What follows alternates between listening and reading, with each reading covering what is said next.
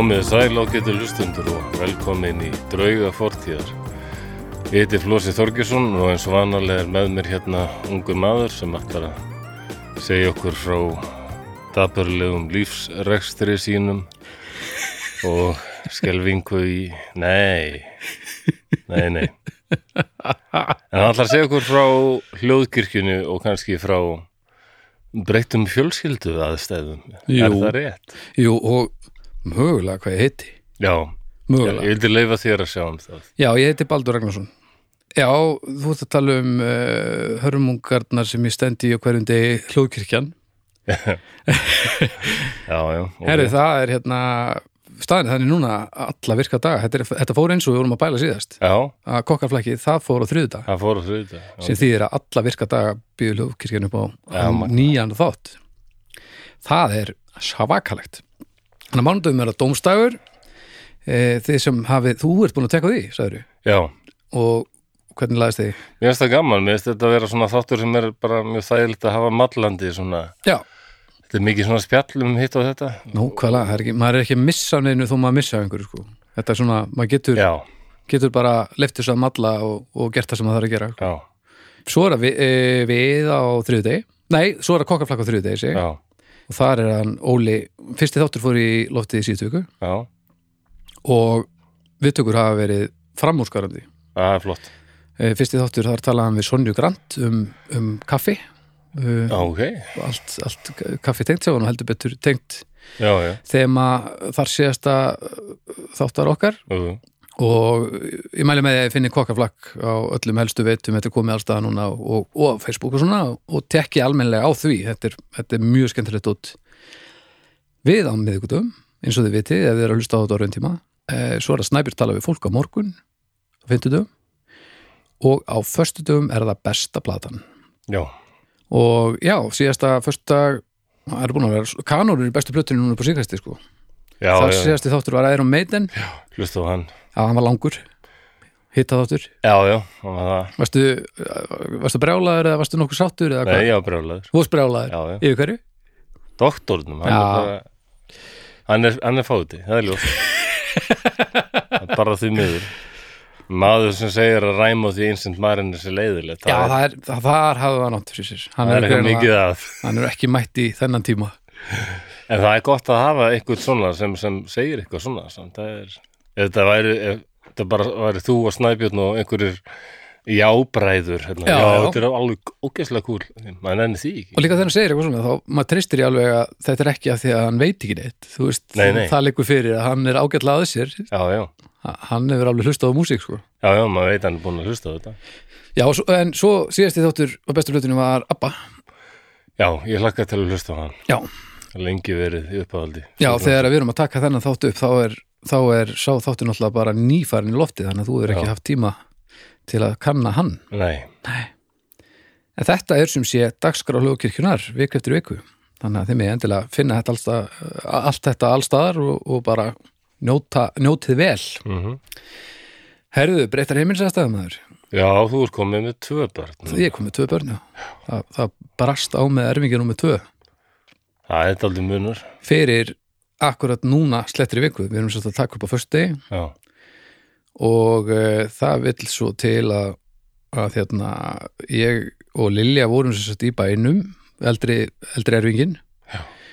og hún vera mín var upp á Skaga þegar við komum eiga upp á Skaga Mm. við vorum alla síðustu viku við Lilja í bænum en við kerðum upp á Skaga á fimmdeginum, eftirmiðdeginum og svo bara um kvöldi þegar við erum lögst niður bara skömm eftir að við mætum á svæði og erum að fara að sofa, þá bara fer allt í gang og við ringjum og, og fáum einhver svona spekka á eitthvað og okkur er sagt bara, já, heyrðu, þetta er bara að fara að ganga í róleitunum og hérna, þið kikið bara til okkur á morgun.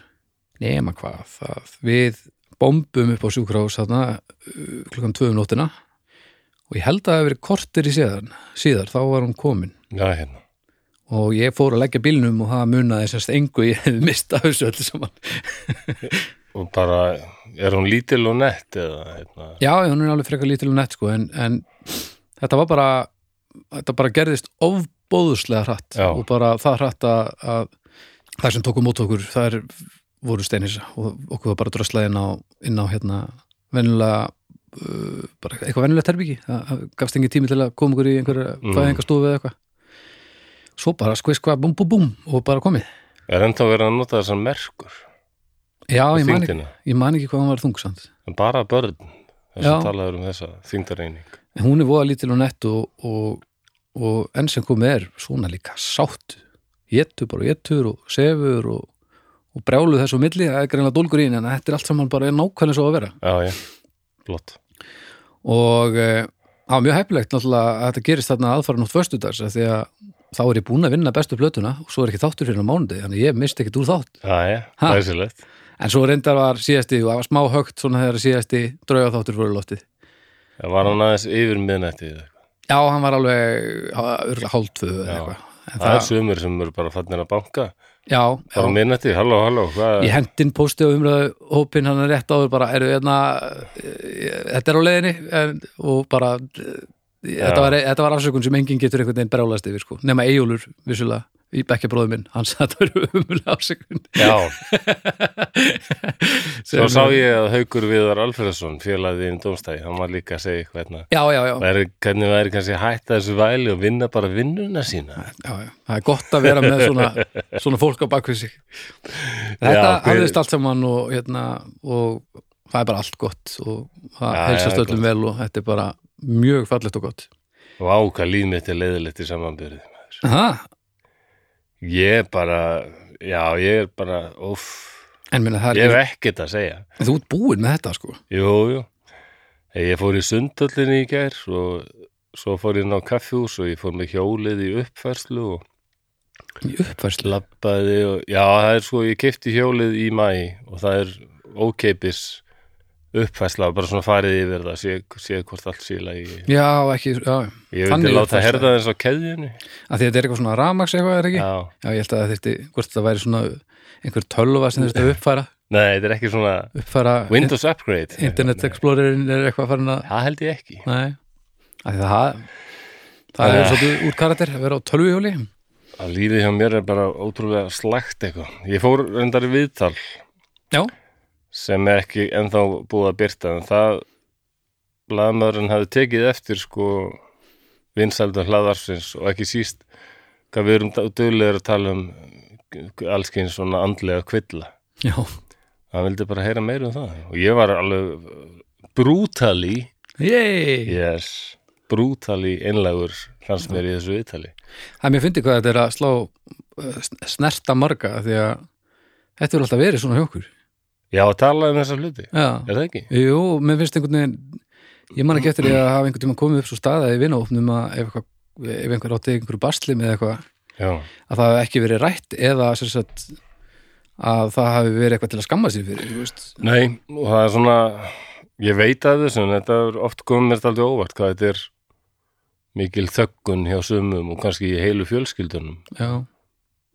Tjófill að það leiðilegt Já, já, það er svona gamalt viðþór eins og mamma sagði alltaf sko. Já, mér er að fjandi láta þið vita að þetta er ekki úr minni ætt. Við vorum að tala um eitt fjölskyldumeðlum og ég var bara útskýra fyrir henni að þessi einstaklingur er bara eins og ég, þunglindur, ég er búin að fara til lækna og fá að vita það, ég er með þetta, þetta er bara geðsjúkdómur mm. sem mamma bara með þessi hversu brúnu augu bara horfði á mig og sagði ég ætla að láta, vita, láta þið vita það flósi að þetta er ekki úr minni ætt. Já, nákvæmlega. Það var bara nei það var tabú sko, geðið ekki ættinni já. Þetta er bara svo skrítið því að núna hann myndi ekki segja þetta veist, hann myndi ekki segja þetta um einhvern með kvítblæði, skilur það væri útrúlega, það þætti mjög mjög skrítið af því að, þú veist, vissulega annars annars kynns en, en mér finnst nú bara ef einhver er lasin hvernig sem það lýsir sér þá hlýtur að, að, að, að það má vera veikur sko. Það má Jóen með hvítblæði en við tölum alls ekki um Nei. það í þessari fjölskyldu. Það er ekki úr minni ætt.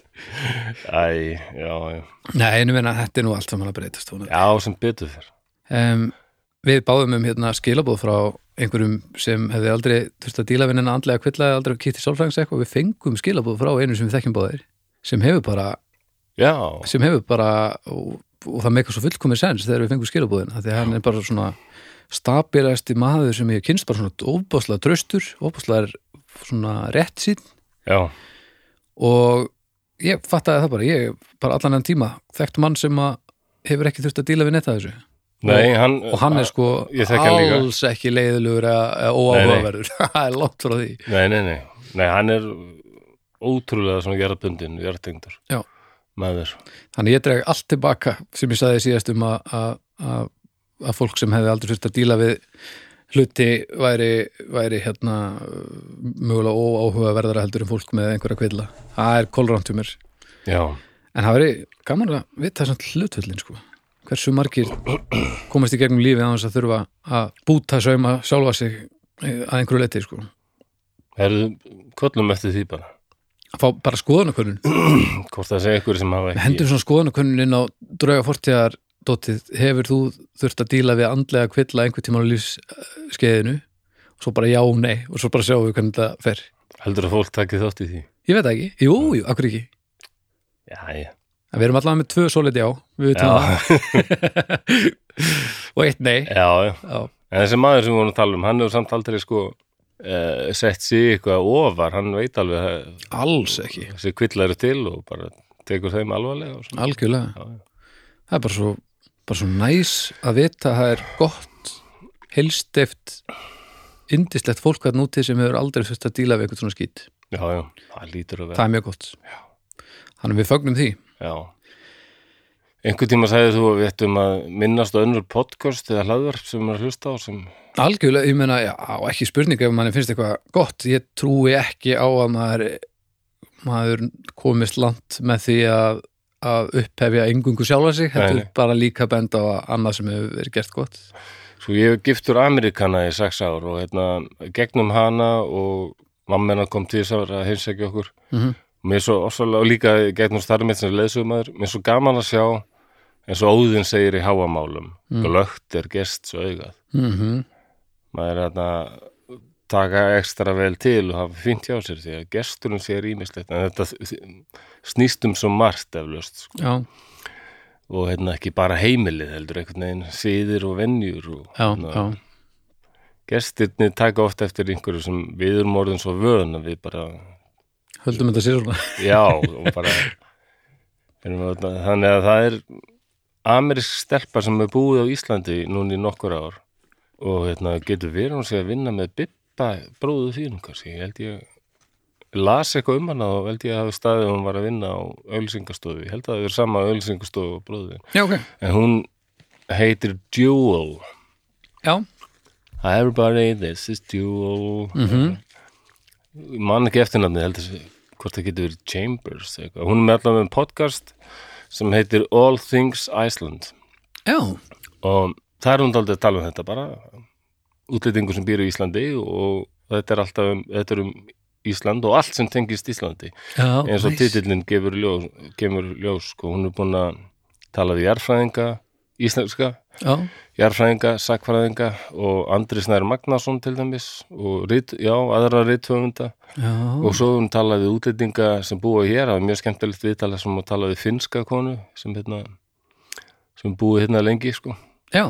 Og svo talaði hún við bandariskan Hermann sem var staðsettur hérna í kringu 1990 Já, ok, vá. Og hún talaði líka við uh, doktor í einhverjum fræðum í Kanada sem er kanadísk en af íslenskum ættum og það var tala um hérna, um, þessa íslendinga í hérna.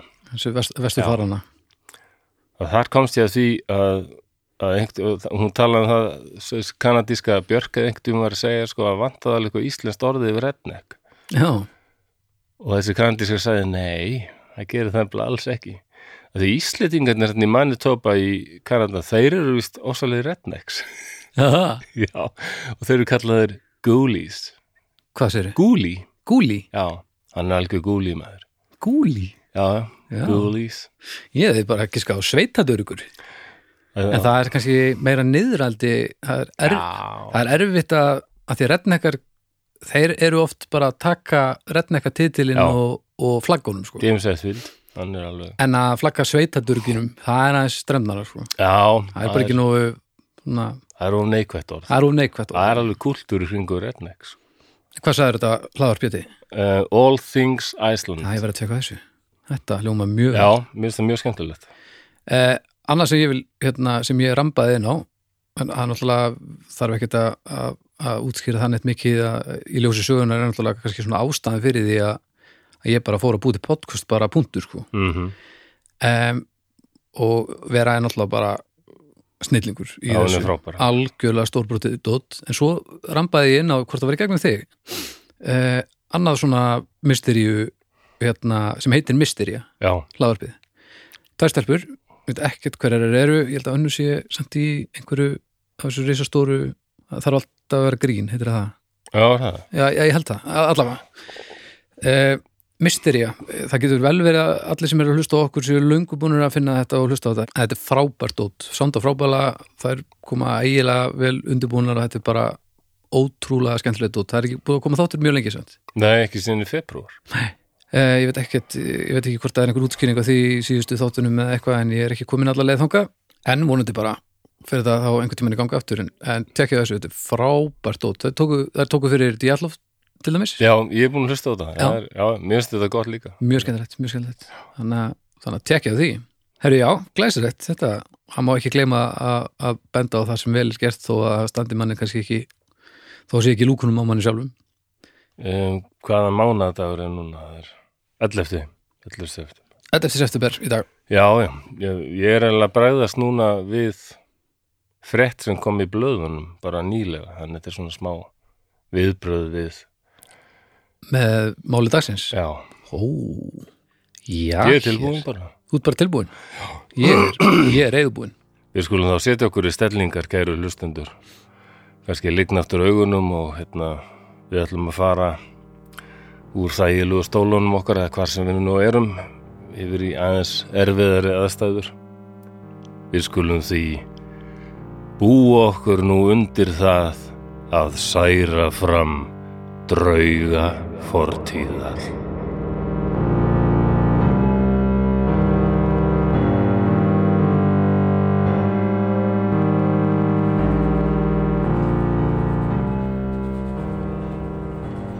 Hvar erum við nú? Við erum stödd á skipi. Í brúnni á bresku herskipi. Það veldur í kvössum vindi, út um gluggan sjást hvítfissandi öldur. Þetta er afar kuldalegt. Á dekkinu og byrðingnum á skipinu eru ískögglar. Við erum í brú skipsins og fylgjumst með áhöfninni þar. Dagatalið segir 27. mars 1976. Við fylgjumst með skipherranum. Hann virðist verið í vondu skapi.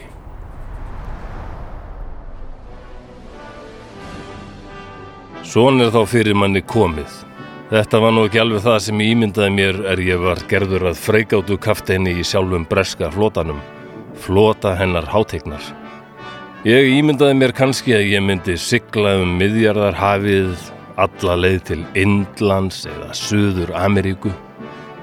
Sigla til að sína heiminum að Bretland er ennþá veldi á hafinu sem þarf að varast og virða. Nei, þess í stað er ég hér á ísköldu norður Atlantshafi, rétt hjá Íslandi. Hér eru veður válind. Skipið veldur mikið og sífælt þarf að vera að berja ís af því. Hingað var okkur skipað að fara og til hvers. Jú, til að vernda nokkra fiskidalla frá Höll og Grimsby fyrir íslensku landhelgiskeislunni. Hvílíkur heiður eða hitt og heldur. Það ætti að öllu jöfnu samt að vera auðvelt en við höfum fengið skýr fyrirmæli. Bannað að skjóta úr byssum. Hvað er þetta eiginlega? Við erum sjálfur breski flotin en við megum ekki sína mátt okkar. Við höfum beðið um að mega nota eitthvað annað, kröftuar vassbissur, sand, fróðu eða bara púðurskot, eitthvað. En svarið er alltaf þvert nei.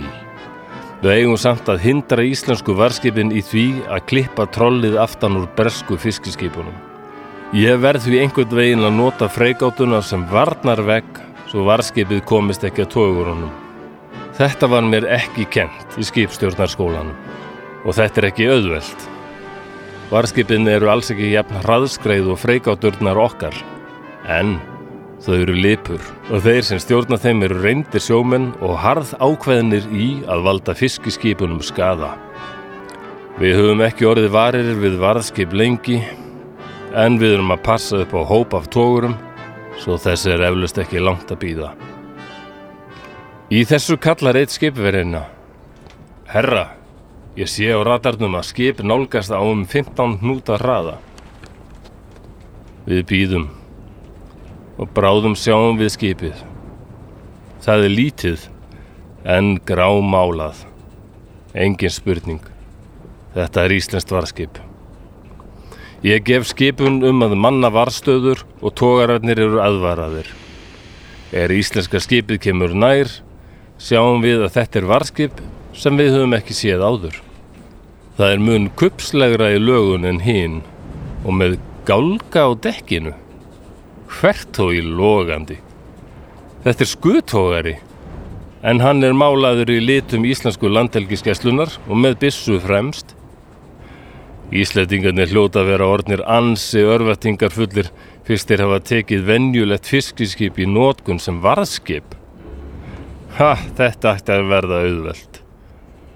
Og nú sjáum við nafnið á skipinu. Eins og hinn varðskipin ber það nafn einsinn að norrænu goða.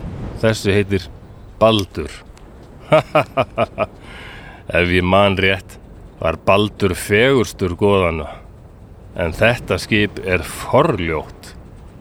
Hlægilegt nafn á hlægilugu skipi. Nú reynir hann að komast á tógrunum en við siglum nálægt og vörnum honum leiðar.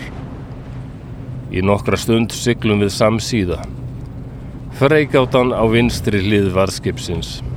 Ætlið þessi íslenski skipstjóri sig ræðgeit eða hvað er hann að spá? Skyndilega tekur varðskipið krappa beigju til hægri frá okkur. Ha, hann er líklega hrættur e eða hvað? Nei, hvur fjandin? Þetta skip tekur eina þá kröppustu beigju sem ég hef séð. Hann hreinlega snýst á punktinum. Nú átta ég mig á því hvað íslenski skipherran er að gera. Hann er komin í heilan ring og kemst fram hjá okkur fyrir aftan freikátuna. Ég öskra á stýrimannin að beigja kraft til vinstri og setja á fulla ferð. Við ættum að ná honum áður en hann nær tógaranum. Við draugum á hann, enda miklu hraðskreðari og nálgunst hægri hlið hans. Förum nær og syklum framfyrir hann til að neyða hann af leið. Skyndilega beigir varskipi til vinstri og hvað er hann nú að gera? Guðminn góður, hann er að bakka í áttinað okkur. Þetta endar með árestri. Ég gef skipunum að sveia frá en of seint. Við hendum stil er freikáttan skellur á litla varskipunu. Skyndilega heyrist alveg hræðilegt hljóð eins og hundrað ónýtt trompet séu blásinn í sömu andrá. Þetta er eins og lúðrasveit frá helvíti. Það ískrar og kvín í stáli sem er skorið í sundur. Neyðaróp berst í talstöðinni. Hjálp! Það er komið gat á byrðingin. Við flýtum okkur niður til að skoða skemmturnar. Þetta er hræðilegt. Fóringjamessin er ein rjúkandi rúst. Flest húsgögnin hafa farið fyrir borð og það sem er kannski verst, allar vín og bjórbyrðir okkar hafa orðið hafinu einnið að bráð. Varðskipið hefur rist um tíu metra skurð á okkur. Ég stari á tætt stálið. Vissulega skuturinn hvass á varskipinu en þetta er bara ekkert eðlilegt. Við verðum að halda heim á leið. Viðgerðir munu taka langan tíma. Skyndilega opnast hleri á liftinu sem fer niður í eldús. Það er döðskelkaður sjóleiði sem sá rassin á íslenska skipinu tæta byrðingin í sundur hann hendi sér í liftuna til að hendast ekki út fyrir. Fjandin hafi þessa helvítis Íslendinga.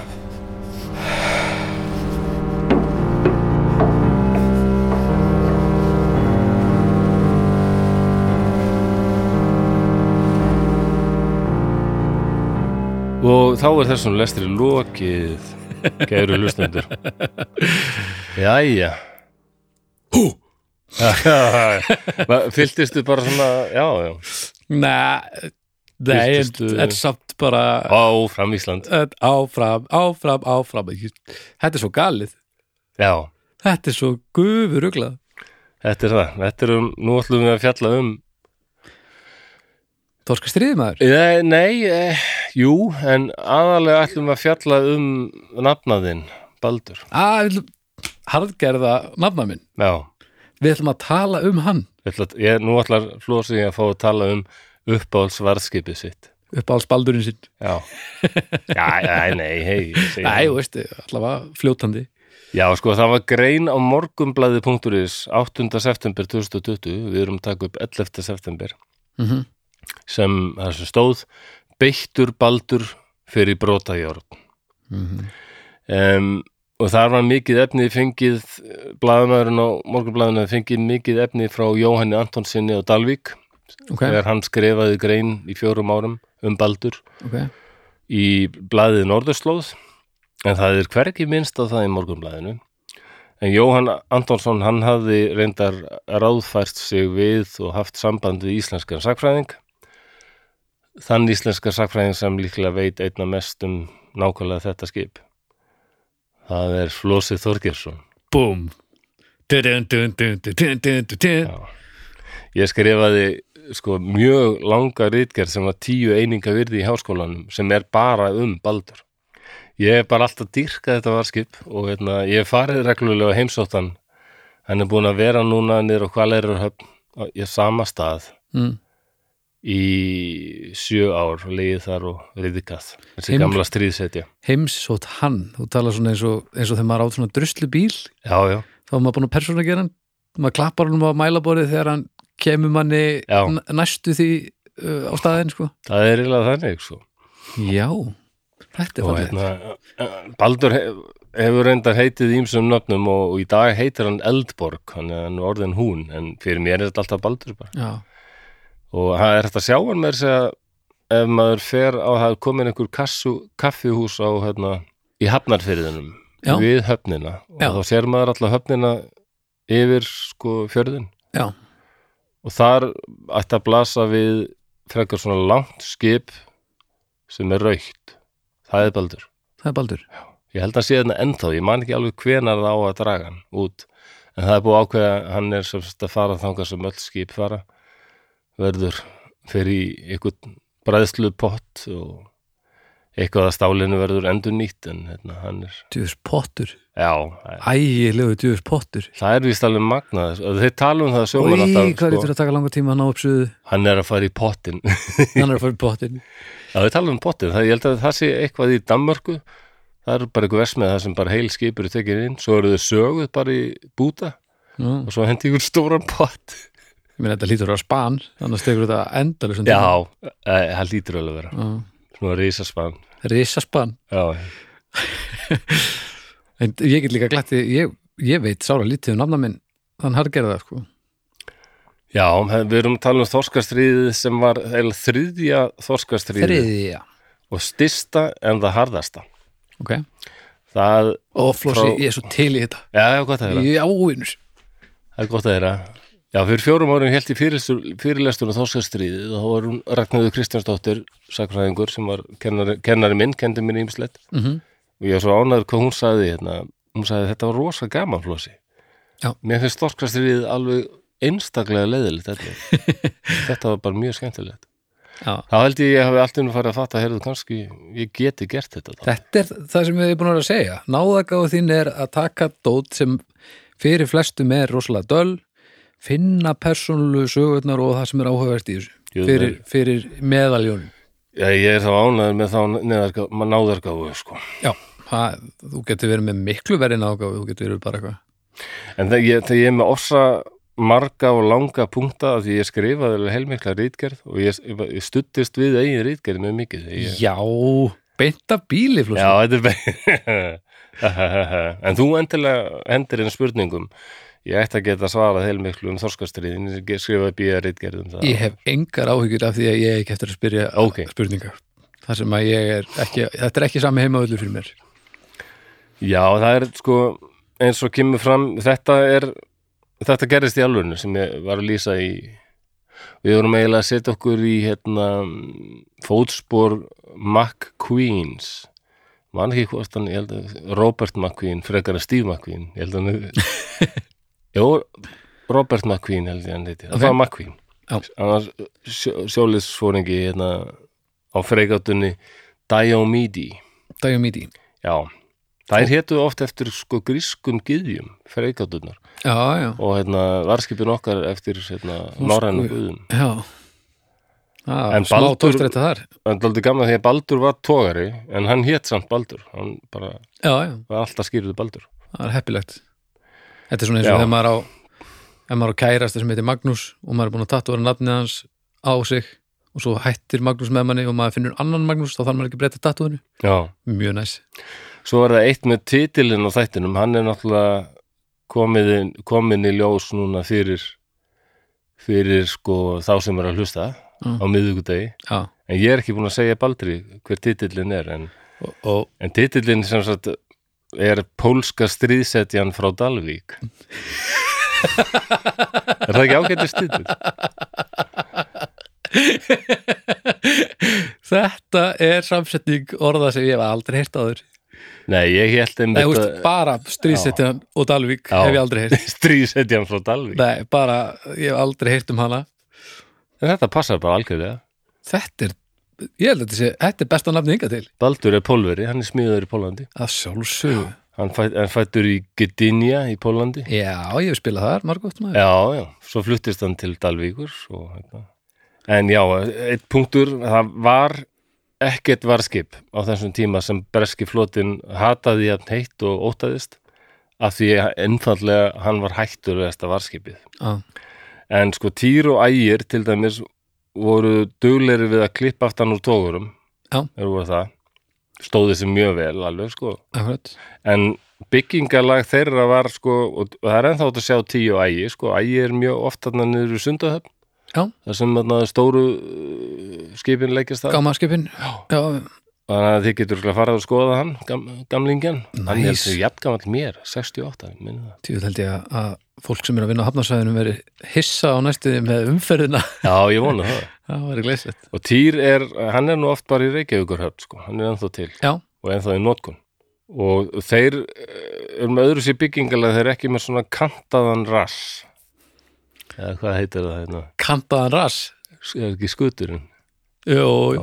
rass, ég held að það sé einmitt fræðið þetta ég, ég, ég til dæmis í lýsingunni þá nota ég hægri og vinstri frekar en stjórnborð og bakborð þótt að við báðir kunnum það eftir að hafa Já, verið já, leiðsögum en á kvalaskipum já, já, ég bara fyrir svona hann almenna hlustunda þá, til ég já, þá nota ég hægri og vinstri. En er það að segja sérst að að Baldur Þeir- hafi verið með kantaðri rass heldur já, en já, hann er þetta skutóri þannig að það var bara svona ferkantað alveg bara. Já, þess að var hann með svona kvöss horn já, og það var, hann, hann var meiri því að skemma freikátur heldur en að klippa aftan tóður nákvæmlega. Og þær, sko, Týr og Ægir voru líka svifaseitni því þeir voru með tvær skrúfur. Já, já, já, en Baldur með eina stóra og bara stórt svona stél sem Mhm. sveiflast til hægri og vinstri. Þannig að hann og hann var mjög lipur. Ok. Hann var liprari og gat sem sagt gert þetta eins og ég lýsi að beigja frá freikátunni, taka ossalega krappahning og komast bara framhjáðinni aftur fyrir hann. Já, Það sem freikátun var alltaf að gera, hún var að reyna að vera fyrir. akkurat, akkurat. En ör- hamagangur hefur samt verið um borð.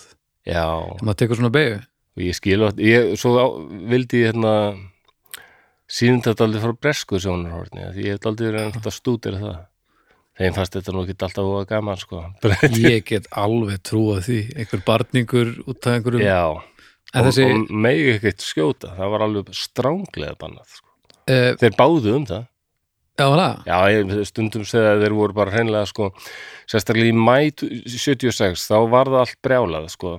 þá var annað skip eins og Baldur sem hitt ver líka mættur Já, og það voru bara öll varskipin sko sami, saman þá voru að ráðast að ykkur um tógurum já, og það eru nokkar freikátur og það, eru, það var þá sem hérna eitt freikátur kattinni bara stjórnlæðist og sildi beintin í miðjuna á tí.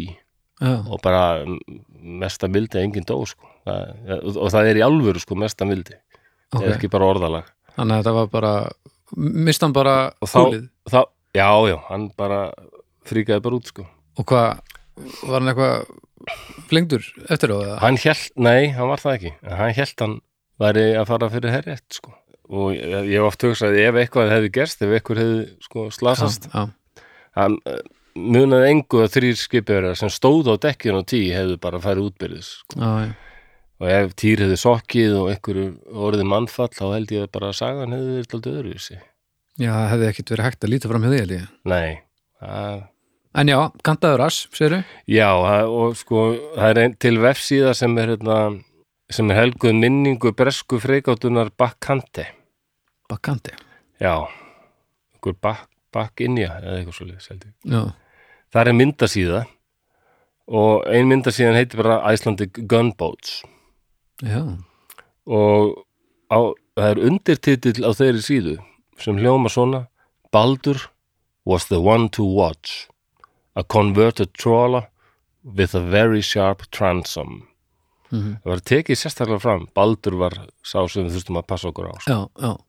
Ekki Týr, Óðun, Þóri eða Ægir nei, Baldur, hann ættulegastur hann, Baldur stuttu í stutt í þjónustu hann náði að gera þetta sem ég líst í byrjuninni mhm. við þrjár freikátur þrjá, skemma þess, já. Skemma þess svo rosalega að þau eru að fara heim fjandinn? Og til dæmis stæðum í því eftir þarna, þessa á- árás sem ég nefndi þarna árás, já.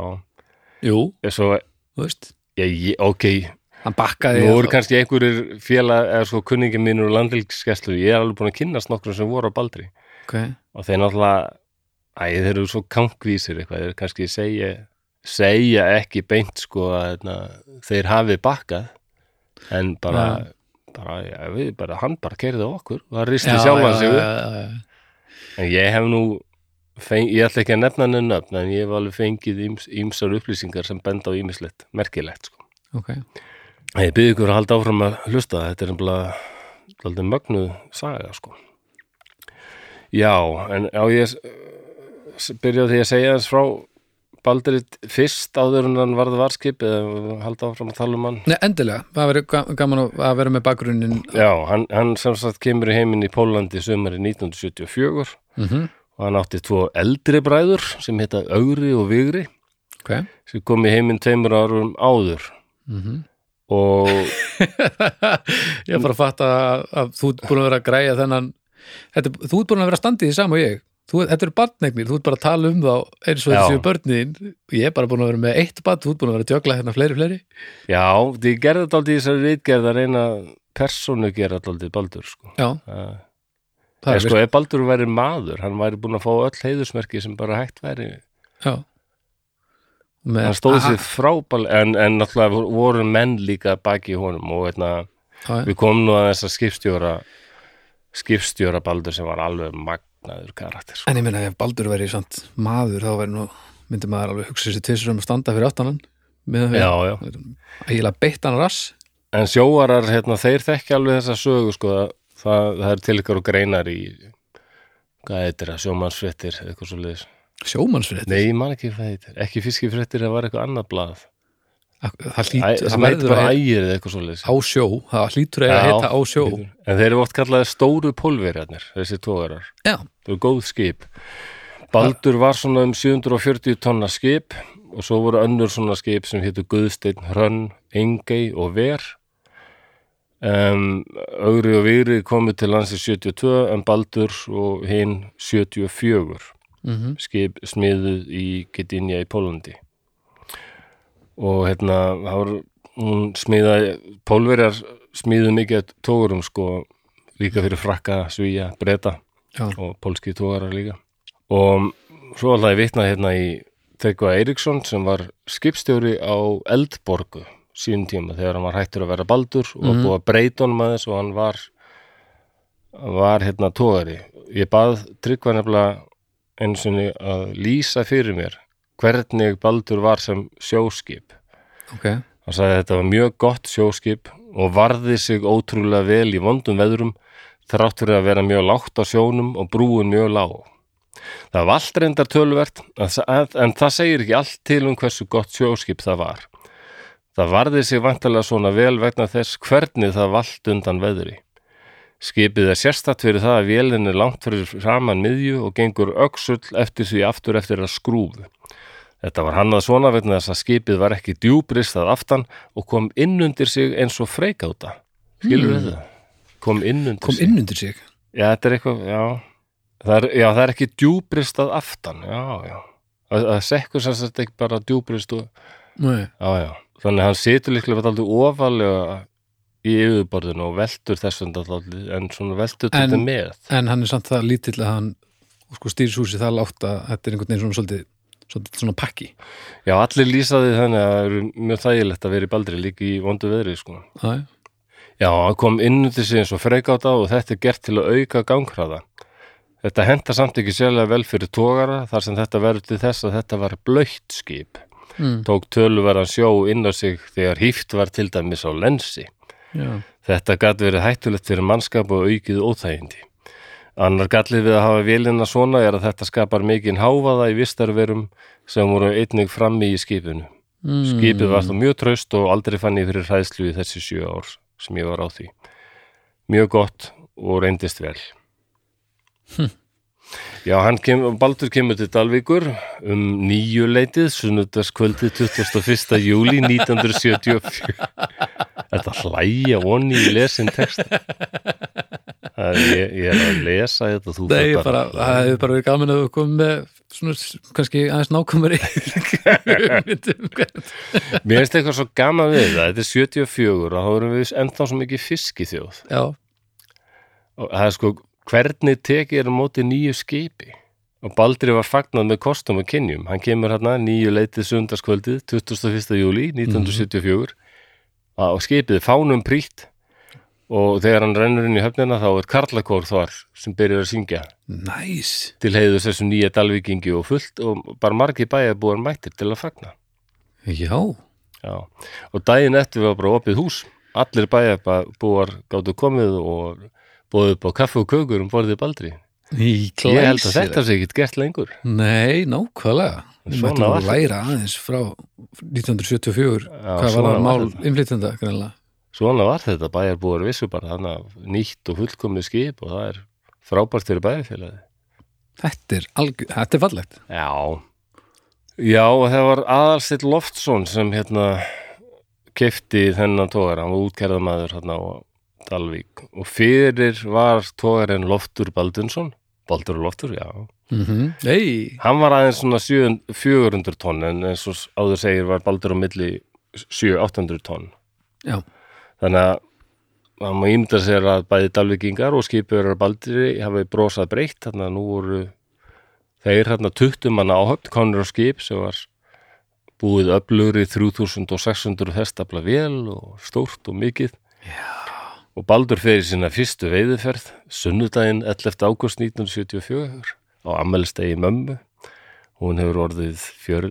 Nei, fjör, eh, Hvaða- eh, hvaða dag var þetta sér? 52 ára. Hvaða dag var þetta? Mamma var jættum líði núna. 11. ágúst Já, Já, 74 74 og var stættur út af Snæfellsnesi. Við höfum nú unnið sem svona hvala skoðunar kallar mannst eftir skipi á Húsavík sem þetta er haukur. Já. Það er se- eh, Seglskip. Já, já.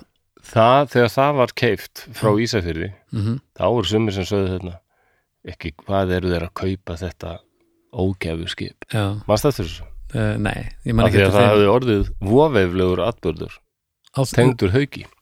Nú, þegar hann var fiskibátur í Ísafyrði þá tóku skipverjar og öðrum báti eftir því að haukur var hann í fjarska og sildi hringi sildi bara stanslust í hringi.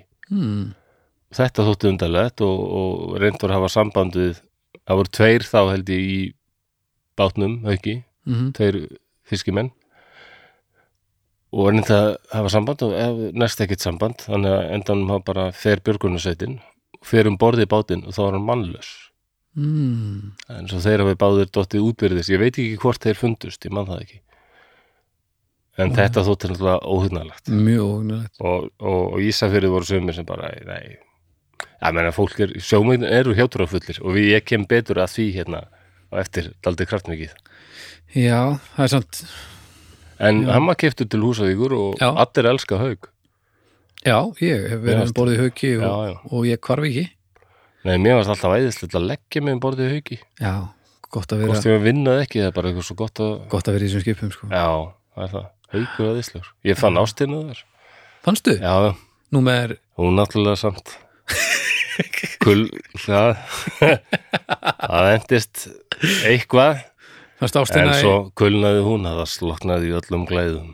Já, þetta er en á sínum tíma fann ég ástina. Já, já, það er sjórin, hann, hann slekkur alla loga flossið minn á endanum sko. já, þetta er svo mamma sagði þegar ég var í minni fyrstu ástasorg Já. Flósi minn, ekkert gott varið að eilifu. Það er svo, svo hárrétt En er þetta gott að segja við nei, átjónara þú er strák? alls ekki að segja þetta við neitt sem er yngra 50 Ó, Æ, ég held að við sem að gera mömmu tóldi fræga í þessu podcast. hún er bara, hún var bara svo glæsileg Og ma- Anna sýstin mín, erum Anna Þorvaldóttir, við erum hálsískinni en við höfum alltaf verið mjög samrýmd mm. og hérna, hún er alveg bara mín stóra sýstir. já, Þáttur að vera miklu minn en ég, bara stóra sýstir, engi spurning. já, og hún er hérna umræðu hóttnum líka. Og hún, hún myndi mig á sko hérna, þetta með písjuna hún sagði, mannst ekki flósi hvað hérna, mömmu fannst best að fá á, á písjuna þetta, þetta er svo glæsilegt. Þegar mamma líka náði aldrei tökum orðinu pepperoni. Og hún baði alltaf ó mér er svo gott að fá svona písju með róni. Róni, já mér er svona róni svo ósalega gott. Svona svona, Písja með róni. Já svona kringlóttar svona kjötsneifar já pepperoni, já svona róni. Þetta er svo gott. Vona Ólafur sé að hlusta og geti ferð að bjóða, já, Nákvæmlega. bjóða fjölskyldu sinni upp á písu Písja með róni. sé með róni í maður. Já, er veistla Já, en aftur að baldri kannski, Já, af því að það svipað gerist, hann er í sinni fyrstu veiðiferð, stattur út á Snæfellsnesi, það slitnar vír. Mm. Og það er krafturinn sem, tógvír eitthvað og krafturinn sem er svona alveg sákælegur, þannig að hann slæst af óböslu afli í tvo unga skipverja sko. sem heitu Ólafur og Rúnar. Mm. og þeir fá báðir alvarlegt höfuðhögg. Að samt að þeirrum áverfum sko, Rúnar hann höfuðkúpu og rifinsbrotnar en hann liði af en Ólafur miður strákur frá Siglufyrði, hann var ekki einn skiptur samur hann, hann lést bara samstundi sko. Já, Æ, þannig hann var annars stýrimæður og hans 25 ára. Hann skotin og sko sjóminn eru svo hjátrúfullir ég vona að ég sé ekki að um, styggja einhvern eða einhver, einhver fjölskyldu Ólaf sé að lusta en hérna, sömur vilja telja að að Ólafur hafi kannski ekki alveg verið að flýta sér frá skipinu eftir þetta, því ég talaði við mann sem var setna, löngu setna mm. skipveri á, þegar þetta var Elborg, þegar þetta var tógari og Ísafyrði Mm. og hann sagði mér eftirfærandi sögu sem hljóma svona. Eftir nokkuð tíma fór að bera á einhverju í klefanum mínum sem ég gat ekki útskýrt fyllilega. En mér fannst alltaf einhverju vera inni hjá mér og þetta var afar óþægilegt. Eina nóttina þá fekk ég nóg af þessu og spratt á fætur og sagði mjög ákveðið út í myrkrið að það væri lámark að við skiptum klefanum á milli okkar ef við ættum báðir að vera hér. Hann geti verið hér meðan ég væri á vakt en ekki meðan ég væri inni. Eftir þetta var ég aldrei var við neitt og sagði engum frá. Fyrir núna Já, fyrir núna. En þetta var sko skiperi á tógaranum. En ég hef nefnt þetta við strákana sem voru landhelgiskesslunni þegar Baldur var algjörstu, ég spurði nokkra, nokkra þeirra, all, allavega þrjá fjóra. Ég bara, nei, rimblikar, nei alls ekki. Ég Nei, líka, ég- ég held þú veitir hver ég stendi þessu Já, Ég er ekki ekkert mjög opinn fyrir uh, umræðu um reymleika Nei. draugagang eins og það sé í alvörunni sko. Mér finnst þetta, þetta er skemmtilegt en þetta er svona skemmtilegt eins og álvar já, já, veist, þetta er ekki til en, en þetta, þetta er samt svona stemmar eitthvað þetta er alltaf svona draugasaga sem endar vel því hann bara, já, draugunum samþýtti þetta. Já, nákvæmlega, þá eins sjaldan og bara skiptum með okkur vöktum sko. já, pældi ef að ef að exorcist hefur verið þannig. Það bara væri til að fara. Já, Vá, stuttmynd, geðið leðileg já, já. Já, þetta er dóttir mín en að verður til að fara í eitthvað annað? Já, Æ, æ, fyrir ekki þau, ég bara rugglaðist Er það, það er í biblíunni held ég að það er eitthvað maður sem er með döfla í sér og Jésu hérna, ætlar að reykja döflaðina burt. Já, já, og döflaðin segja, já við verum eitthvað starf að vera Man, hvað, hvað, hvað áttar að gera? svona vælu, væludjöflar. Já, og hann ég ætla að senda ykkur hérna í svínahóp sem er hérna já, ok, já við samþykjum það. Vá, en það er ekki mentadjöflar og það? Það er eitthvað döflaðina per eitthvað svínahóp sem verður þá brjálaður. Og mér er alltaf verið hugsað sko hvað er rödd svínahyrðisins svínabóndans í þessu? Nákvæmlega, vaknar daginn eftir og þá er allt alveg grillað Já. í stíðunni Allir labbandi á kolvi og ælandi tomat ælandi svín og hérna. Og, já, og, og, og, og talandi örgulega um mömmans í helvítu eitthvað, þetta er bara álag Já, mér finnst þetta, það vantar þetta aldrei svona sko. Já, já, Já, já. En sko, þegar við vorum enn eins og komin í þorskastriðu breyta þá höfðu, sko, hjá, hjá landelgiskesslunni það var maður sem heit Pétur Guðjónsson hann var alltaf að skrifa í dagblöðin um þessi mál. Mm. Því að Íslendingar höfðu beðið sko bandarækjumenn um að senda sér skip. Vist það eitthvað svo æðislegt? Ég veit ekki hvort þeir voru bara að reyna að setja ég held að Íslendingar hafi ekki búist við því að bandarækjumenn myndu nokkuð tíma að gera það. Nei. bara sendu okkur hraðskreiða svona tundurskeita báta af því við erum tvo, þrjá? Já, menna, þetta er allt NATO þjóðir og bandarækjumenn sá bara, við getum ekkert verið að gera það. Nei, þetta er, þetta er aðeins svona hagsmunar ágstur já, ég held að þetta hafi verið svona meira til að bara setja Ha- smá þrýsting á Já, bara svona hafa gert það já, svona smá þrýsting á breyta og bandarækjumenn bara okkur er alvara með þessu og bara hætti þessu Já. erum, erum við saman í bandalið ekki, hvað er Ói, þetta er svona passive-aggressive Svona, þetta pyrraði bandarækjumenn að, að Íslendingar og breytar get ekki klála þess að deilu að þess að rjúa sko, Íslendingar sögðu sko, kolluðu sendið hér hann heim í februar 76 og slitu stjórnmálatengslum við Bretland. Það er eina landin sem við höfum slitið stjórnmálatengslum við. já Það, það er hörð deila sko. mm Og Pétur Guðjóns hann var að segja sko, hann skrifaði í blöðin og sagði bara að þetta er barnaskapur að halda þessi NATO-vinnur okkar lána okkur eitthvað skip. Það er óþærfi. Við eigum skip sem henta bara mjög vel í, þessi átök. Mm. Og hann talaði um, það er, er skutóðarinnir okkar. Að, að því að það er vitamála, freigáturnar bresku, það eru hraðskreðar, en það eru með þunnan byrðing Já, það er þóla ekkert vel svona árekstra. Aftur á móti eru varskipin og er, og sérstaklega skutuvarar sem eiga að vera hérna á norðurslóðum þetta, þetta, þetta er tökkur í þessu. Þetta er stál sko, þetta er kuppur þetta er minni, en þetta er harðir kuppar sko. Og, það, og Pétur segir það bara auglust að lendi freikáttu saman við skutuvara, hún stendur verra því. Og það verið sérstaklega einn maður sem fylgdist á áhuga með þessu. Og það er maður sem er Törskuldur Skarpinsson og hann er, sko Baldur er töff en þessi maður, þetta er bara töffar en okkar í, er þetta, er þetta mennið? já, er Það er bara þannig. Það eru margir kúl, kúl hérna skiparar sín tíma. Já, og, og það bar kannski minnst á þessum en mér finnst hann bara engi spurning sko. Bara Ok. hann var svo grjótharður sko. Og hann var mjög glaður hörskuldur þegar Pétur Sigursson fórstjóru landilskeslunar sagði, sagði hérna værur til í að fara röltanuður höfn og skoða þarna eitt tógara sem búin að liggja þetta lengi út á verkvalli og er ekkert að gera. Og það er Baldur. Og hérna hörskuldur skoða tógaran og verður mjög hrifin af skipinu. Bara þetta er málið sko. Ok. Og ég, þeir hafa aldrei viðkenda fyrir mér landhelgiskeslu kallanir en ég held að þeir hafi verið að hugsa sko, við, þarna er komið skip sem við getum notað til að skemma þessar freikátur Já, og ég meina, láið þeim hver sem við nei, ég meina eitthvað þarf að gera. Já, já, ef þú ert að, í þessu, ef þú ert að standa í þessu þá verður að, að standa í þessu. Þá verður að gera sem þarf að gera. Já, já.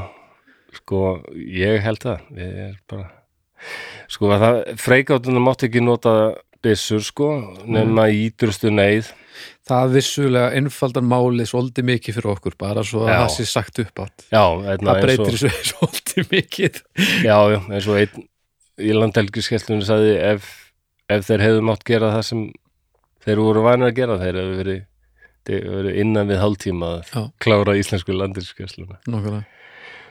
og í deilunni 72-73 þá var Barry Anderson sem hafði sko verið freikatu kaftið hérna í fyrsta þorskastriðinu 58 til 61 ok, hann sendi bara bref til yfirvalda Mhm. og sagði bara ok, nú erum við aftur komið í þorskastrið í Ísland. Ég þekki Íslendinga vel og hérna var hérna mikið á Íslandsmiðum.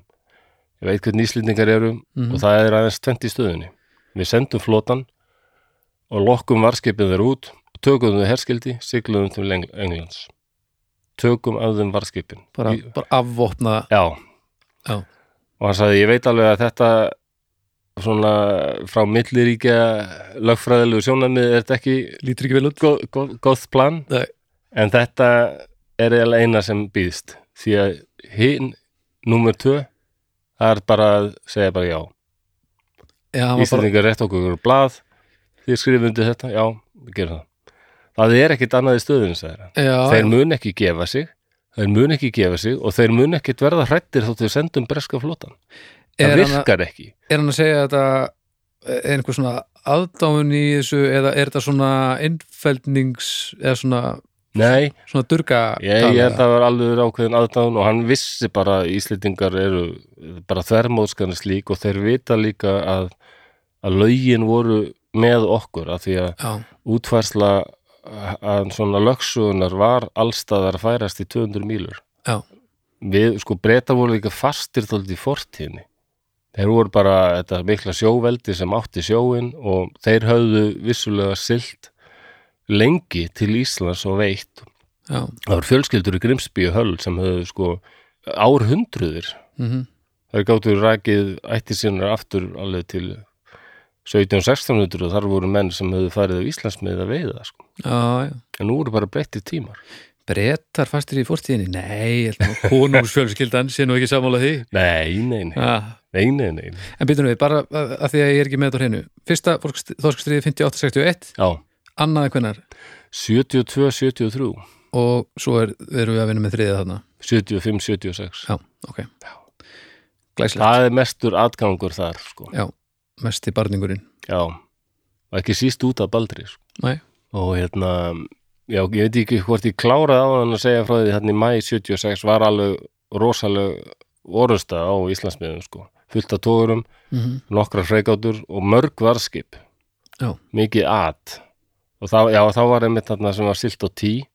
En þá til dæmis, eh, þá var ver búin að skemma þarna rosalega og baldur líka eina freikátu og þeir báðu bara um bara við bara eh, allt í klessinu við verðum fá leið til að skjóta. Við verðum bara í hættu sko. Þeir eru að sigla á okkur hérna. Við, bara þeir eru að sökka okkur. Já, það líku við, bara, við, við erum bara hrættir hérna. Bara fá leið til að skjóta allavega aðvörunar skotum sko það var bara þvert nei, það var aldrei leift ekki neitt sko.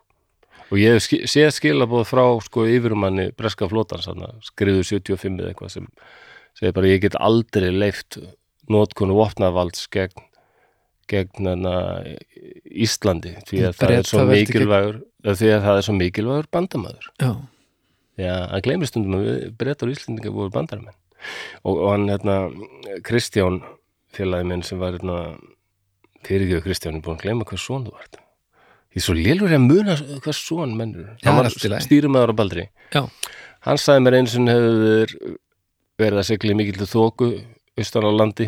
Mhm. Á Baldri og hérna er vissu að bresk freikátan nálætt en svo um, taka eftir því að ratar það er annað skip. Já. Og þeir fara svona og tekka á því og sjá að þetta er rústnest rannsóknarskip. Já, og svo heyra þeir setna að freikáttina kalla þarna unidentified vessel siglandi á 12 hnúta hraða bla, bla, stefnuð bla bla bla bla.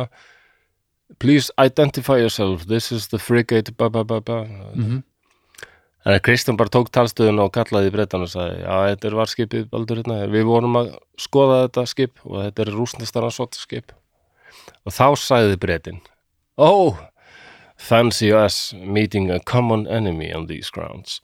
Já, það? Já, já bara já, þarna hittum við sammeðilega nóvin rússana sko.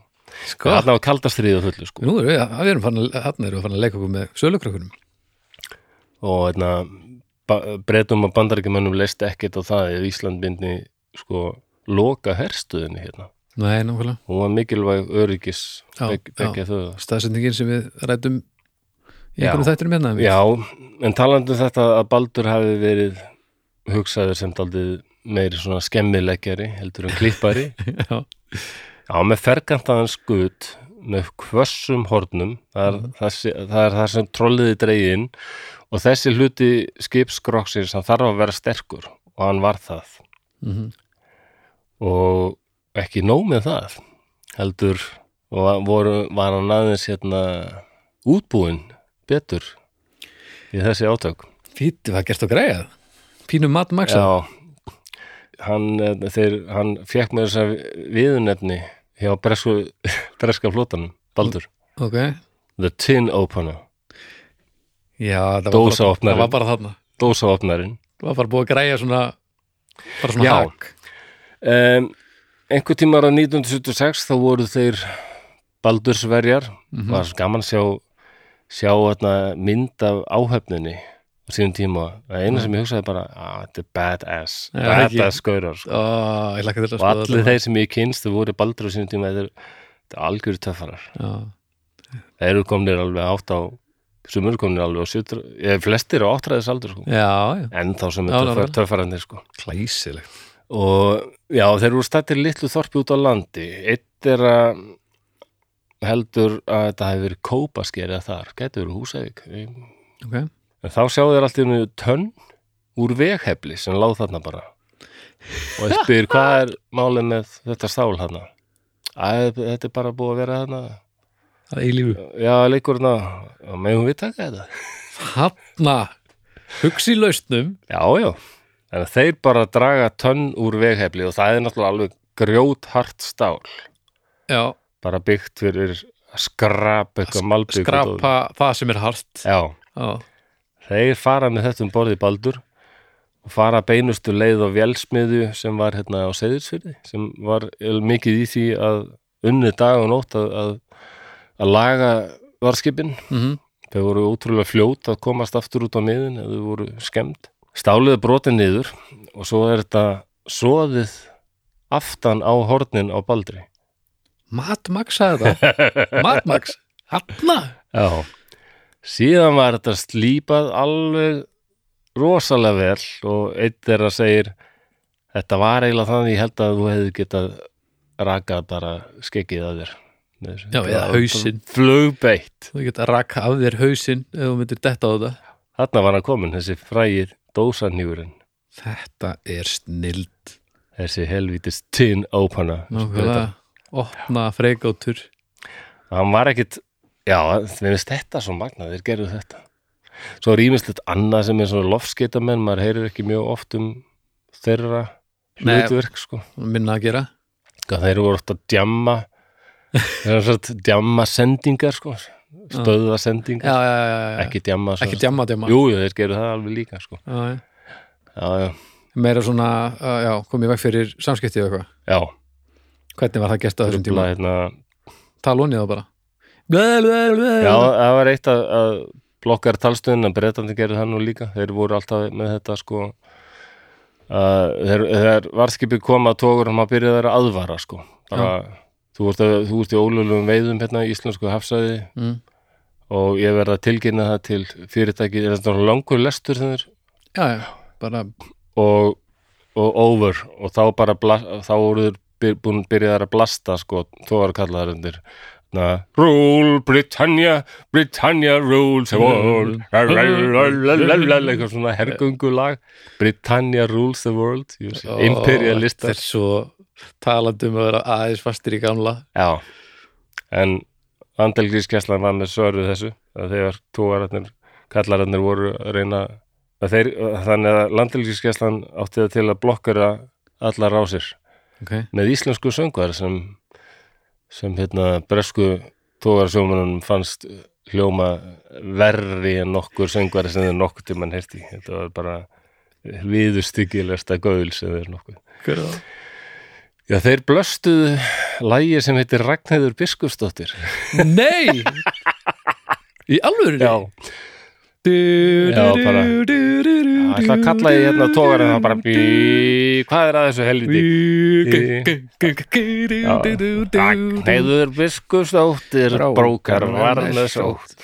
Og bytti meðan daði mælt á latínu. Ég hef alveg verið til í að vera í breska flottan þarna. Það er Já, gott þeir þeir, já, já, þeir kölluðu stundum í og sögðu bara hérna, ekki spila þetta ræðilega lag. Nei, ég meina, ég hef aldrei hugsað um þorskastriðin með músík í huga en nú er þetta orðið þema lag alls þessa fyrir mér hef ég ekki Það líka sagt hendar ótrúlega vel í að að- að skera upp jú. sem ég hef aldrei pælt í áður því að það ekkert neð koma aldrei En ég talaði um lofskeitamenn líka sko, hérna, Gilvi Geirsson sem var lofskeitamæður hann sagði mér frá því, hann var á Baldri til dæmis hann sagði mér frá því, þeir gerðu það til dæmis að þeir heyrðu það að þetta er svo frábært.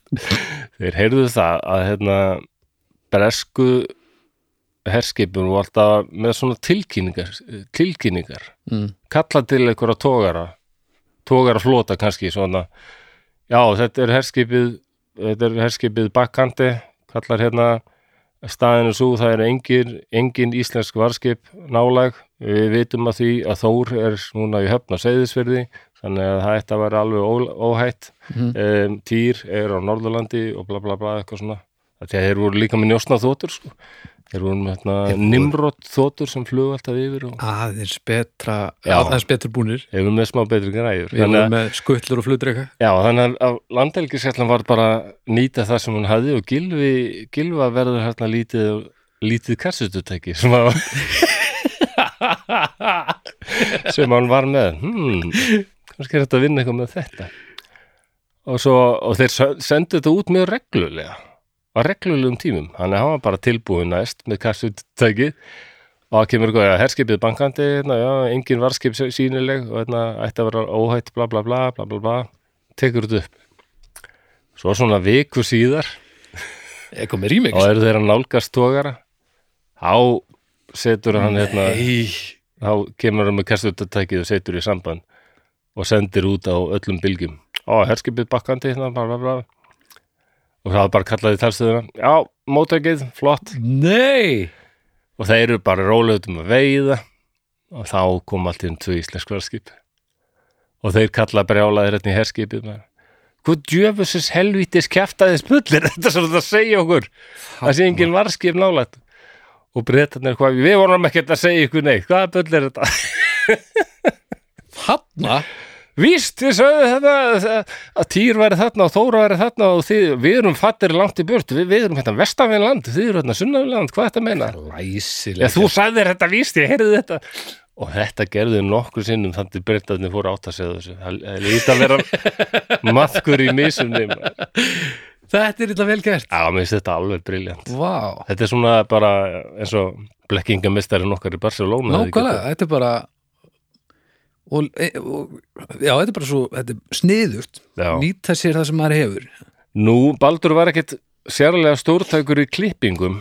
Sko, Týr og Ægir þeir samanlagt sko sendu 26 bresk veiðarfæri til bots í deilunni þarna 75-76 Já. það er, ég held að fólk kannski átti sig ekki á hvað það var það, þetta kostaði alveg óheyrilegan pening, svona net svona troll, Já. þetta var rándýr Já, já, Þannig að þetta, þetta var óbúsleg óbúslegu sigur að klippa á sko og náttúrulega ef hann var ekki með auka veðarfæri á bara, þessi tógari og leik og það er bara að sigla heim. Um, Baldur klippti á 5 tógvira þarna milli 5. februar 30. april 76 en hann kom líka setna til leiks en hans hlutverk var náttúrulega aðalega bara að, hérna, Rista. ógna freigátunum og það er svo við hæfi að Höskuldur Skarpinsson hafi verið skipherra að því að flestir báruðir nú alveg svona virðingu fyrir breska flótanum, Mhm. ekki Höskuldur Skarpinsson Var hún drull?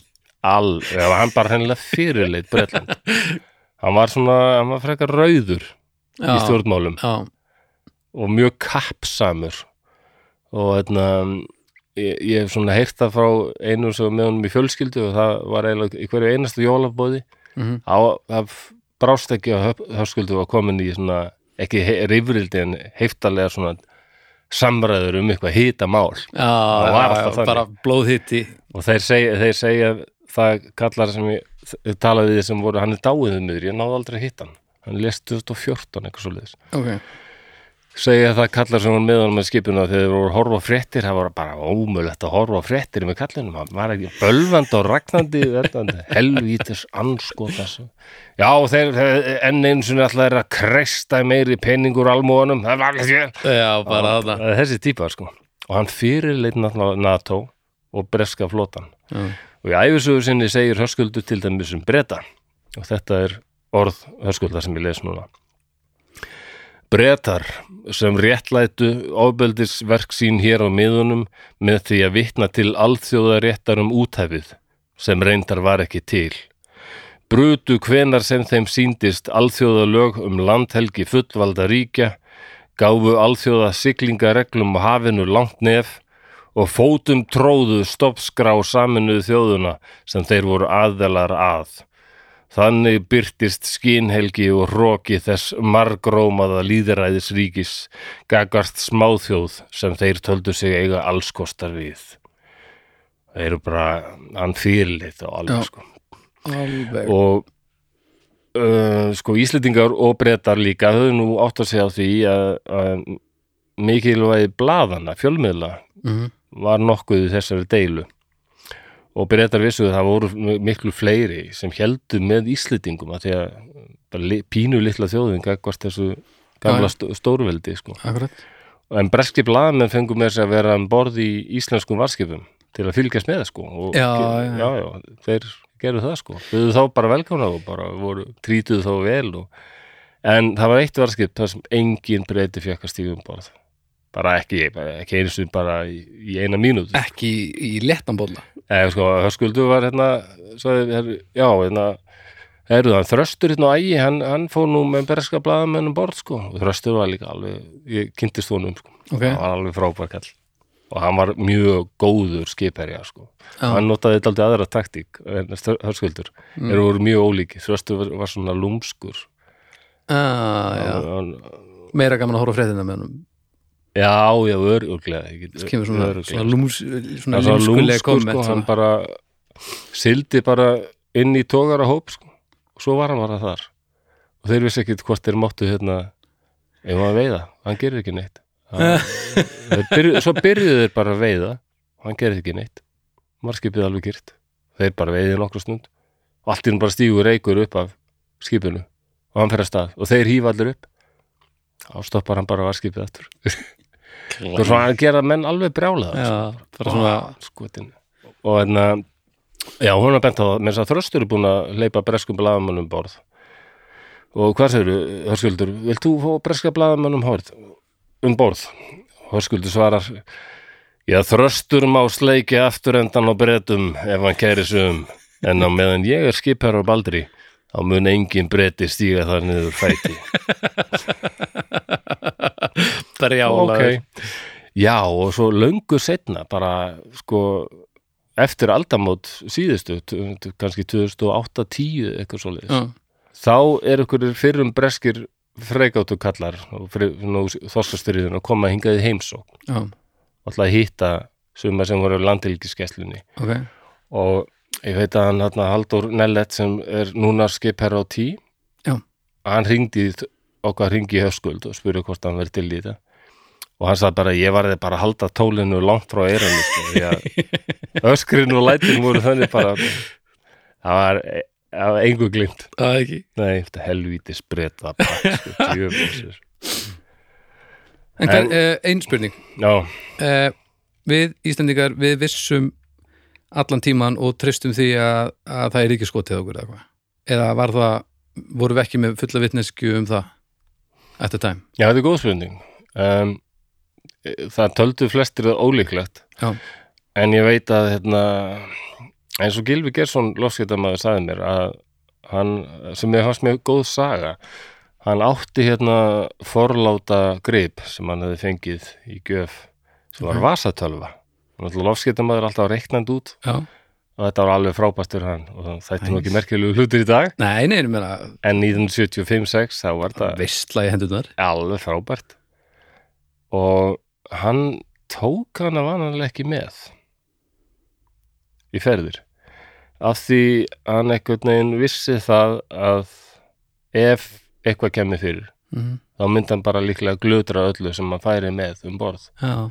Þannig að hann skildi tölvunni yfirleitt eftir. Já, ok, þannig að það var allavega ekki það Mikið öryggi. nei, þetta segir mér að það var náttúrulega alltaf svona, hvernig eins og segja svo maður sletti in the back of their mind eða svona í undirmeðutundinni eða vissu þér að það gæti alveg eitthvað gerst. Þetta er svolítið bara eins og þegar að menjulegt fólk sem er ekki samt flugrætt fer upp í flugvel það er eiginlega líkur á að eitthvað gerist en það gæti Já. alveg pínu kannski gerst er en svona- ég held að flestir hafa talið það mjög ólíkt að breyðar myndu gera Já, þetta já. sko. en það yrði þá allt snar brjálaða sko.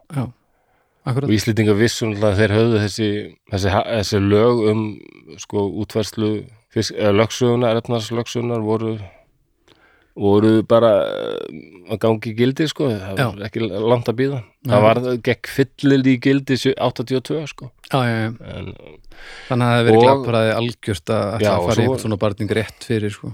mm og svo náttúrulega það við vorum með þessu liði í NATO. Já, og Ísland er mikilvægt NATO-land. Við komum inn á það í hérna um, sjóveikir breskir drengir já, hernam já Ísland. Hernum hvað Ísland er hernaðarlega mikilvægt? Já, staðsetningin. Ekki síst fyrir breyta sko. staðsetning, já, ekki síst fyrir breyta akkurat. Já, Já. Ég, mi- minnir var ég að hlusta á ykkur í dómstegi og töluðu eitthvað um þorskastríði og einhver sagði það er ekki alveg stríð, það er ekki eins og hleyft af skoti. Mm, ég veit maður ekki. Var ekki samt leift af einu skotið eða eitthvað? Alveg fullt af skotum sko. fullt af skotum, já, það var allt íslendingar ja, sjálfsögðu. Já, já. Við, eh, sko, við skutum alveg tókara alveg fram og tilbaka sko. og sko bara í áða hreinlega sko. þannig að þeir, þeir voru við það að sökva að hefur verið pyrrandi ekki samt svona sprengikúlum þetta var svona kúlur sem samt það mikill kraftur að þær fóru í gegnum sko byrðingin já, já, og samt svona ég manna Gilvi Geirsson hann talaði um þetta mætti segja þetta hafi verið svona gentleman's war eða já, svona, já, já. Að því að einu sinni þegar Guðmundur kennist þetta var að elda tókara þá lét hann alltaf vita nú er ég að fara að skjóta þig já, og ég ætla að skjóta í bógin fremst ég, Já. ég skýti eftir tvær mínútur passaðu upp á að sé enginn þar þannig að þá gætu þér passa þessu upp á að vera ekki já, já. svo skauta hann bara Hm. en að, af því að tóður skipstjórn vildi ekki stoppa sko. en um leið vildi Guðmundur ekki sko valda dauða eða Nei. já, þetta er pínu svona stríðssaga breyta á Íslendinga er helviti kurtið sko. Já hún er það. Bara, það er bara bankað og, já, og, og handabönd og færðu þig, ég ætla, hérna, ég ætla að gera eitt stríð færðu þig frá. Algjörlega. Já, já fyrir ekki lögreglistjótt, getur þú hjálpað okkur að hernum að landið þitt? nákvæmlega. Já, já, sátt. Ég er heitt aldrei heitlar af Bretland, Ísland og það er svona draumaverkefni að skrifa bókum það en það er, en djúvel sem okkur hefur tekist vel samt að vera pyrrandi í þessu. Já, alveg ég, þeir, þeir, þeim fannst ekki gaman að vera í þessu bersku, Nei, berska flótan ég skal en þeir vissu það ekki að meiri hlutið þeirra var þarna að fá alveg frábæra reynslu sem átti eftir að gagnast þeim í alvöru stríði eftir nokkur ár. Já, Því að 1982 þá fer Bretlandi stríð við Argentínu. Mm vegna fallhansegja. já, Þú veist að sigla alveg þrjá mánuði til fallhansegja frá Bretlandi, breski flotin Mm. og fara það er stríð. já, Og þá var gott að, að margir af skipverjumunum höfðu verið hérna á Íslandi, sko, þau kynst vondum veðurum og svona og bara, já bara og líka, þorskastriðin voru bara æfingarleikur eða bara fín æfing fyrir þá, sko. já, og þessi góður sem var á Diomiti til dæmis, þannig að skipherna þar sem ég var að lesa, hann gat sér mjög gott, gott góðs orðs í fallansegja stríðinu sko. já, það var svona vináttu stríð eða svona Já, æfingarstríð en, en skiphernan á Diomiti sko, og hann, hann, hann þóldi ekki baldur sko, þeir þóldi en já, það er 28. februar 76 þá er þarna baldur að nálgast breskan tógara og það Mike Jones sem var skipherra á Jarmuth mm freikóttunni, hann sl slær ekkert af og kemur upp að miðri bakbórsíðu var skipsins og ætlaði sér að sigla á það og, og freista sér að, að neyðan til að beigja af leið Mhm. og bakbórsíða það er sem sagt hérna vinstri Mhm. Baldur gef, gefur ekki eftir og á háréttu augnabliki þá segir Höskuldur bara beigja stjórnborða strax Mhm. beigja til hægri á kemur Jarmóð þá fullri ferð og, og hann, hann siglir bara beint á skutin á Baldri bara beint á bara dósaopnaran ég, er að segja frá þessu að ég ætla að setja uh, myndir mhm. af þessum freikátum, þær eru til sko. Þegar, sína hvernig Baldur fór með þegar, já, já. Baldur skemmtist með lítið en, en freikátt var hræðið lítið að farin og Höskuldur Skarpninsson skipar að hann ég hef þetta bara beint úr skýrslu Ok, um aðtekið, það sé bara skemmtir á freikáttunum eru verulegar allur neðri hluti stefnis er rifin og kýldur þvert til bakborða. Neðri hluti stefnisins gengur með þrjú til fjögur fet fram úr upphaflegri stöðu og lítur út sem skúffa eða flipi á hesti. Það er satt, það var orðintaldið svo hestur. Það hljómaði bara svona svo einhverju að lýsa svona eftirleik eftir erfiða fæðingu eða eitthvað. og einna skipherran á Jarmóð sendi bara einföld skilabóð ég er óstarfhæfur Æ, og þeir eru að sigla heim og þeir gátt ekki silt hraðar en svona tveggja og í að því að stefnið var allt opið og sundurtætt. Þannig að sást hvað þær voru í raun sko þær voru stórar hraðskriðar en þær voru ekki sterkar. Mæ, og þarna þess Jarmóð kom ekki leng, meira við sögu í þessu, þessari deilu. Það var Baldur búin að taka út eina, eina. mhm. Og þarna 27. mars það er það sem ég var að lesa í byrjuninni. Þá hérna þá var það freikáttan Diomedy mhm. Og hún hérna hún, hún var líku leik. Mhm. Gal opnast. Hvað sér þetta að vera, tíu, tíu metrar eða eitthvað sem hefur reist upp? Já, það er helviti vel að það, segja og það er til mynd af því það er rosald að sjá skipið það sko. er að, það er leðilegt stopp í það sko. Og eftir þetta Baldur er búin að skemma svona tvær freikáttur mhm. Þá fá freikátturna nú fyrirmæli bara forðast áreistra Já, já. og ef tógarar eru, eru að veiða þegar varskipt nálgast bara hýfu upp, það er ekkit annað sem við getum gert. Pældi hvað þetta verið pyrrandi já, ert miklu, miklu, miklu starra skipi miklu öflura, mm þú ert með allt vopnabúrið, þú getur þurrkað þetta út á einmitt eins og segir hálftíma. Já, þú mátt ekki gera það. Þú getur ekki hriftin nóg rætt til þess að díla við hérna og þú getur ekki eins og klesta á þessu auðmíkja af því að þeir eru á harðgerðari skipum heldur þú. Já, það, það er sko. heldur um að hefði orðið brjála Já, það varandi þetta sem spurður um áðan ég minnst ólíklegt að sko að skipherja hef, hefði geta bara gefið skipun um, um að manna byssurnar og skjóta sko án þess að hann hefði þurft að fá fyr, leifi fyrir því sko. já, en sko eftir hérna Diomedy til dæmis þetta sem ég las í byrjun sko. Já. þegar fóringjabarinn var farinn og allt sko. Já, já, skellur. Þá bara skipherran hann Robert, Robert McQueen hérna, já. Hann sagði bara ok mannið byssurnar, bara látið það sjá það, við erum búin að senda menn sem eru við byssurnar. Og þeir senda skilað til Baldurs. Ef þú gerir einhverja tilraun til þess að sigla á okkur aftur, eitthvað, bara Mhm. kemur nálat okkur þá skjótum við á þig já, þannig að þeir- hræddir voru þeir sko. Heldur beður og Bald, Baldur gerði það til nei, nei. Þetta er svo skrítin stað að vera í. Já, þetta er mjög undarlegt. Þetta er, svo- þetta er svo þetta þetta, já, þetta, þetta, er náttúrulega bara dásanlegt veist, þetta er ástand sem verður ekki til undir neinum kringustæðum eða? Nei, patt staða, á akkurat. Yfir gengilegir yfirbörðir öðrum megin en vegna afmarka þá virkar það bara ekki. Já, það er bara ekki hægt þetta er, já, ég skil vel að þeir eru pyrraðir sko. Ég hef ekki fleiri punkta. Ég held þessi búin að koma inn á allt sem ég langaði að koma inn á varðandi svona skemmtilegustu atriðin kannski í já, skemmtilegustu, já, svona en hérna mest þriðja svona krassandi atriðin eins og þetta sem þetta sem loskiptamennindi gerðu og takaði upp svona alveg þetta, þetta rugglaði það svo í rýminu að þeir hættu þreikóttu gaurarnir bara að vera með þessar tilkynningar. Þetta, já, já. en þetta þriðja skip sem að Baldur tók út? Já, mér minnir að það hafi verið frekáttan Mermaid. Ok, það var hérna í mæ 76 þegar varð alveg rosalegur darraðardans. Já, um, það sem bara mikil átök sko, það sem var silt og tí. Já, og hann bara næstu í sokkin já, það er nú eiginlega bara efni í annað þátt sko. Já. það var alveg rosa dæmi sko. já, það er líklega eina tilvikið þar sem ég veit nákvæmlega um eitthvað að skiparinn eiginlega missi sig alveg sko Já.